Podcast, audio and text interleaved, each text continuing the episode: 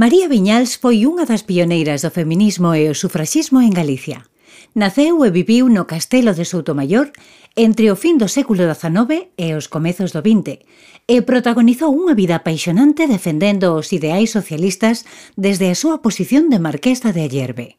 Ese activismo social e sobre todo a defensa dos dereitos das mulleres valéronlle o alcume da marquesa vermella. Escritora Rebelde, comprometida, políglota, conferenciante, disertadora e viaxeira, foi unha das primeiras mulleres en formar parte da Real Academia Galega. Pero a pesar de todo iso, a súa historia pouco trascendeu ata que en 2016 a Deputación de Pontevedra creou a Escola de Igualdade María Viñals en recoñecemento ao seu legado. Ás veces a historia que ven nos libros non é a historia real – E a historia seleccionada por un autor. A teoría dos puntos cegos, iso que nos libros non se nos conta. A historia ten que completarse, necesita contarse enteira. Benvidas e benvidos a Aquí faltan páxinas, un podcast da Deputación de Pontevedra onde coñecerás historias de mulleres galegas extraordinarias que non sempre saen nos libros. Nacida en el castillo mismo, habiendo crecido bajo los frondosos castaños de su parque, bautizada y casada en su capilla y amante, como gallega, de mi terriña. Este é un fragmento do texto que escribiu sobre si sí mesma María Viñals nos preliminares do libro dedicado a historiar o castelo de Soutomaior, que, como ela mesma expresa, foi testigo dos episodios máis importantes da súa vida. A súa figura non empezou a ser coñecida en Galicia até 1990. Foi o 8 de agosto daquel ano, o se cumprir o 65 aniversario do pasamento do médico e sociólogo cubano Enrique Llúria Despau, segundo marido de María Viñals, cando Anisia Miranda pronunciou unha conferencia titulada El gran amor cubano de la Marquesa Roja. Música Con esta referencia a Marquesa Roja aludía a María Viñals y Ferrés, Marquesa de Ayerbe, de Lierta e de Rubí, condesa de San Clemente, coñecida polas súas ideas progresistas como a Marquesa Vermella. María de la Asunción, Rosalía, Josefa, Aquilina, Zenobia, Eusebia e Anastasia Viñals y Ferrés naceu o 14 de agosto de 1875 no Castelo de Soutomaior, na parroquia pontevedresa de San Salvador de Soutomaior. A súa familia, como deixan adiviñar os seus apelidos, era catalá. A súa vinculación con Galicia empeza a tecerse antes do seu nacemento, cando a súa tía, Zenobia Vinyals y Vergés, casa con Antonio de Aguilar Correa y Sotomayor, marqués de Mos e de la Vega de Hermijo. A parella non tivo descendencia e tomaron baixo a súa tutela a María tras a morte do seu pai. María foi como a unha filla para os marqueses. Recibiu unha esmerada educación na que leu os clásicos e conseguiu dominar varios idiomas, francés, inglés, alemán e portugués. Axiña comezou a destacar nos ambientes culturais e nas tertulias nas que foi introducida polo seu tío, o Marqués de Mos, en Madrid, onde pasaba os invernos, porque os veráns transcorrían sempre en Soutomaior. Tamén amosou interese pola arte, pola historia, pola literatura, polos traballos de traducción, E igual que as súas amigas Emilia Pardo Bazán e María Barbeito, foi unha firme defensora dos dereitos das mulleres. O título de marquesa chegoulle co seu primeiro matrimonio. Casou no castelo que había un nacer con Juan Nepomuceno Jordán de Ries e Rui de Arana Marqués de Ayerbe en 1896, cando tiña 21 anos. Por esta época xa desenvolvía a súa actividade pictórica baixo o mestrado de Joaquina Serrano, e tiña asistido ás exposicións nacionais de Belas Artes nun par de ocasións. Pero acabou por abandonar esta dedicación ás artes plásticas para centrarse máis na escrita e nas actividades sociais. Semella que comezou a escribir sendo moi nova e que queimou os escritos anteriores á data do seu matrimonio. Entre eles o primeiro conto, que escribira con tan só 13 anos. Lo primero que yo he escrito en mi vida fue precisamente un cuento de Navidad. Toda la sensiblería barata, toda la alegría ficticia y de pacotilla tenían necesariamente que influir en mis nervios de chiquilla precoz y desorbitada. El cuento, naturalmente, se desarrollaba dentro de los límites previstos del nacimiento del niño rico y de la ambición del niño pobre. Y todo acababa lo mejor del mundo, como un milagro. El cuento produjo en el medio ambiente que me rodeaba dos efectos diametralmente opuestos, que habían de influir en toda mi existencia de agradable sorpresa en mi tío, de estupefacción y desagrado en mi madre. Mi madre veía con disgusto que yo tuviese vocación de escritora, por un motivo que erraba el fundamento, aunque tuviese cierta razón en los resultados. Recapacitando y reconstituyendo la historia de todas las mujeres escritoras que había conocido, vería que todas fueron desgraciadas, teniendo que vivir en continua pugna con la sociedad ou realizando hechos que, dado el criterio por aquel entonces establecido, venían a catalogarlas entre las descalificadas. Os xuizos maternos influíron no aleatorio das temáticas dos seus escritos e tamén a falta de constancia, moitas veces por temor ao ridículo. O primeiro traballo seu que se conserva é o libro Castillo del Marqués de Mons en Soutomaior, un estudo histórico publicado en 1904 en luxosa edición ilustrada por José Garnelo e dedicado á memoria da súa tía, con idea de rescatar os gloriosos capítulos históricos e familiares da fortaleza, remontándose ata Pedro Madruga e Paio de Sotomayor nunha rigurosa investigación que aínda hoxe é considerada a mellor monografía dedicada ao castelo. A pesar da súa posición social de alto berce, os ideais de Viñals non encaixaban demasiado cos doutras mulleres da súa clase, xa que desde moi nova tivo unha especial sensibilidade cara ás causas feministas. Neses primeiros anos do século XX, a súa asignatura aparece tamén na revista Galicia de Buenos Aires, cun artigo titulado La influencia social de la mujer onde se mostra partidaria de elevar o nivel intelectual das mulleres porque entende que delas depende a rexeneración dunha sociedade que só poderá mudar se as que educan os fillos en casa teñen certa cultura. Como presidenta do Centro Iberoamericano de Cultura Popular Feminina e Escola de Nais de Familia, pronunciou unha conferencia na que insistiu no tema da educación e instrucción das mulleres e no lugar que debían ocupar na sociedade. Hoy día toma más cuerpo y más consistencia la cuestión femenina. La mujer pugna con más brío por romper los verdaderos obstáculos tradicionales que la mantienen en una condición que no marcha a la par con las libertades de que disfrutan los hombres, ni con las exigencias que los adelantos de la ciencia imponen a la sociedad moderna. Su situación en nuestra sociedad es anormal, es arcaica, modificada por completo la vida del ciudadano. La existencia de la mujer es, con escasa diferencia, la misma que hace dos siglos. Y si goza de algunas más libertades para salir o para viajar, son únicamente aplicables a sus diversiones y esparcimientos, que acrecientan y fomentan su frivolidad nativa no aplicables al trabajo regenerador y vivificante, retención única y verdadera de nuestro sexo. Noutro artigo publicado na revista Galicia de Madrid co título El voto femenino responde a unha carta da feminista andaluza Carmen de Burgos Seguí, colombine, que solicita a súa opinión acerca dos méritos que abonan a muller para gozar do dereito ao voto. Naquela altura, María Viñals era da opinión de que o feito de outorgar o voto ás mulleres só podería ocorrer cando adquirisen os dereitos e garantías das que carecían e que se irían acrecentando coa cultura, porque do contrario sería prescindir dos cimentos e comezar a casa polo tellado.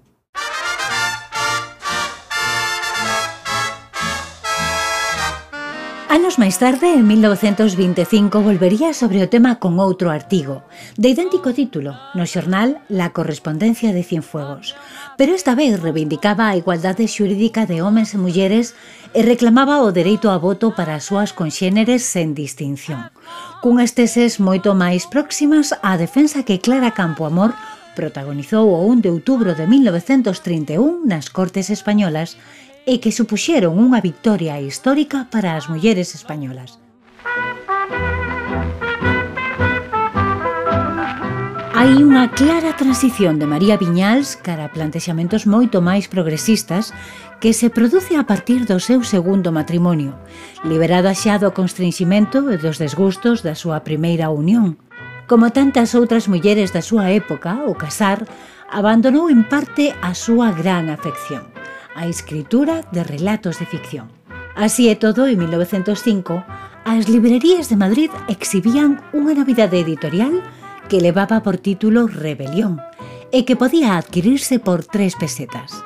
En aparencia, unha novela de carácter tráxico que narraba o infortunio dunha certa Lucía, vizcondesa de Lora del Río, cuxos amargos queixumes polo seu desafortunado matrimonio con Álvaro asolagaban todas as páxinas.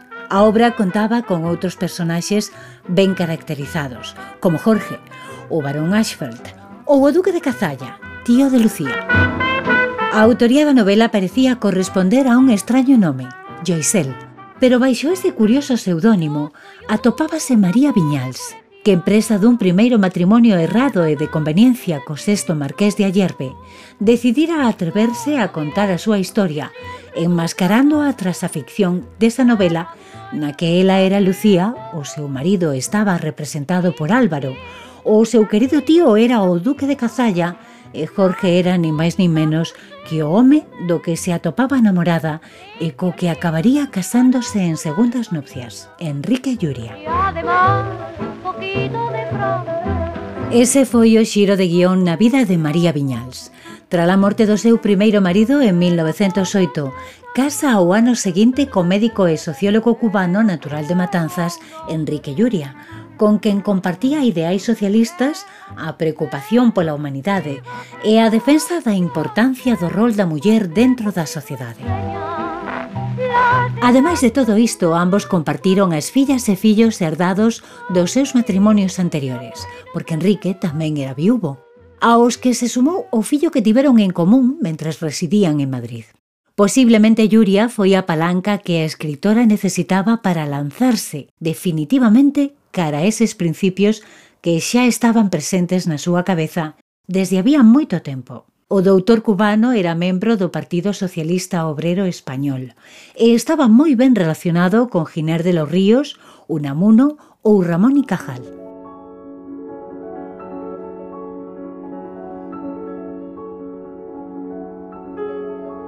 Foi durante o verán de 1910 cando a nova familia se trasladou definitivamente ao castelo de Soutomayor, que María herdara do seu tío pouco despois de quedar viúva. O certo é que o seu traslado converteu o castelo unha vez máis no núcleo de atracción de numerosas personalidades e artistas do momento. Enrique Lluria comezou a valorar a posibilidade de crear un sanatorio na contorna daquela fortaleza medieval que agora lle servía de fogar. O matrimonio Lluria Viñals levantou en Soutomaior un edificio que destinou a sanatorio, o primeiro de Galicia. Alí instalaron quirófanos, despachos, un muiño e até unha vaquería para atender ás necesidades dos futuros hóspedes.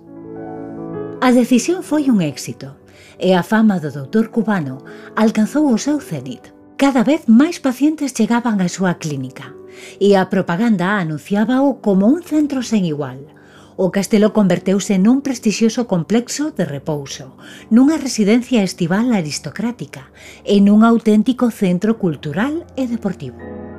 Finalmente o sanatorio tivo que pechar por dramáticas vicisitudes relacionadas con problemas económicos que María Viñals arrastraba do seu anterior matrimonio e tamén a causa dos seus ideais políticos. Segundo Afonso Filipota Veledo, o Sanatorio Lluria sofreu boicotaxe ao se divulgar a noticia de que era punto de reunión de altos cargos socialistas como Pablo Iglesias ou Giner de los Ríos. Ao parecer, as autoridades civis chegaron a facer un rexistro no castelo, alegando sospeitas de terse cometido ali actividades subversivas. Isto acabou provocando a ruína do sanatorio e da familia. O matrimonio perdeu a propiedade e tiveron que marchar de novo a Madrid. En 1917 o castelo saiu a subasta pública e dous anos máis tarde foi adxudicado a un veciño de Vila García. Afortunadamente, na década de 1980 sería recuperado pola Deputación de Pontevedra para o patrimonio público. Aquí faltan páxinas. Pero voltemos ao momento no que María Viñals ten que abandonar o castelo de Soutomayor. Naquela altura a escritora xa ingresara na agrupación femenina socialista, un feito que recolleron moitos xornais, Por exemplo, no país do 4 de xullo de 1917, un titular rezaba María de Lluria, socialista. Uns días máis tarde, a xornalista explicaba o seu ingreso na Agrupación Socialista de Madrid cun interesante artigo de reflexión política. Estas y otras consideraciones tenían que impulsarnos al socialismo, no solo porque su doctrina concuerda con mis ideales, sino porque solo existe ideal en el Partido Socialista. Y al decir ideal, comprendo en tal concepto programa, ideas, progreso. Muchos se sorprenderán de que mi educación y el medio en el que transcurrió mi juventud no hayan sido contrapeso a mi resolución, porque no conocen el verdadero espíritu en el que fui educada y atribuirán a influencias familiares una resolución hija única de mi albedrío. Es natural y era inevitable esta evolución, fiel trasunto de la que realizaron aquellos que depositaran en mi mente los primeros gérmenes de rebelión en pro de los oprimidos y en contra de los opresores. Así foi gañando María o seu alcume Marquesa Vermella, escribindo tamén artigos en publicacións como El Imparcial, Le Fígaro ou Blanco e Negro e participando en organizacións sociais como a Unión de Mujeres Españolas da que Viñals foi elixida vicepresidenta. No labor sociocultural significouse como conferenciante e incidiu na maior parte desta actividade na temática feminista. Dalgúnas das súas intervencións quedaron reseñas nos xornais. En decembro de 1915 pronunciou unha conferencia na Casa del Pueblo de Madrid onde falou sobre a muller compañeira do home. O 25 de xaneiro de 1916 reflexionou no recreo de artesáns de Pontevedra sobre o feminismo e a galantería onde lembrou a situación feminina ao longo da historia e defendeu a necesidade de dar ás mulleres unha educación cívica e iguais dereitos que os homes. O 27 de marzo de 1916 disertou sobre o concepto realista e idealista da felicidade no Círculo de Artesáns da Coruña. E no Ateneo de Madrid, o 14 de xaneiro de 1919, volveu conferenciar, desta volta para falar da carencia de sentido social na muller.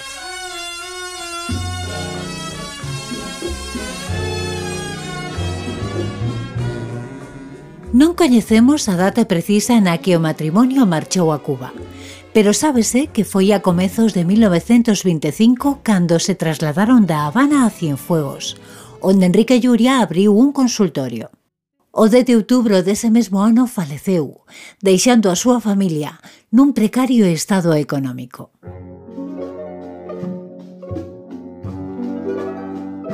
No tempo que viviu na illa caribeña, María Viñals publicou, segundo Anísia Miranda, algúns textos literarios como El gaiteiro de Ventosela ou Unha aventura como hai muchas, que viron a luz na revista social da Habana en 1921. Pouco se sabe da vida da escritora en Cuba.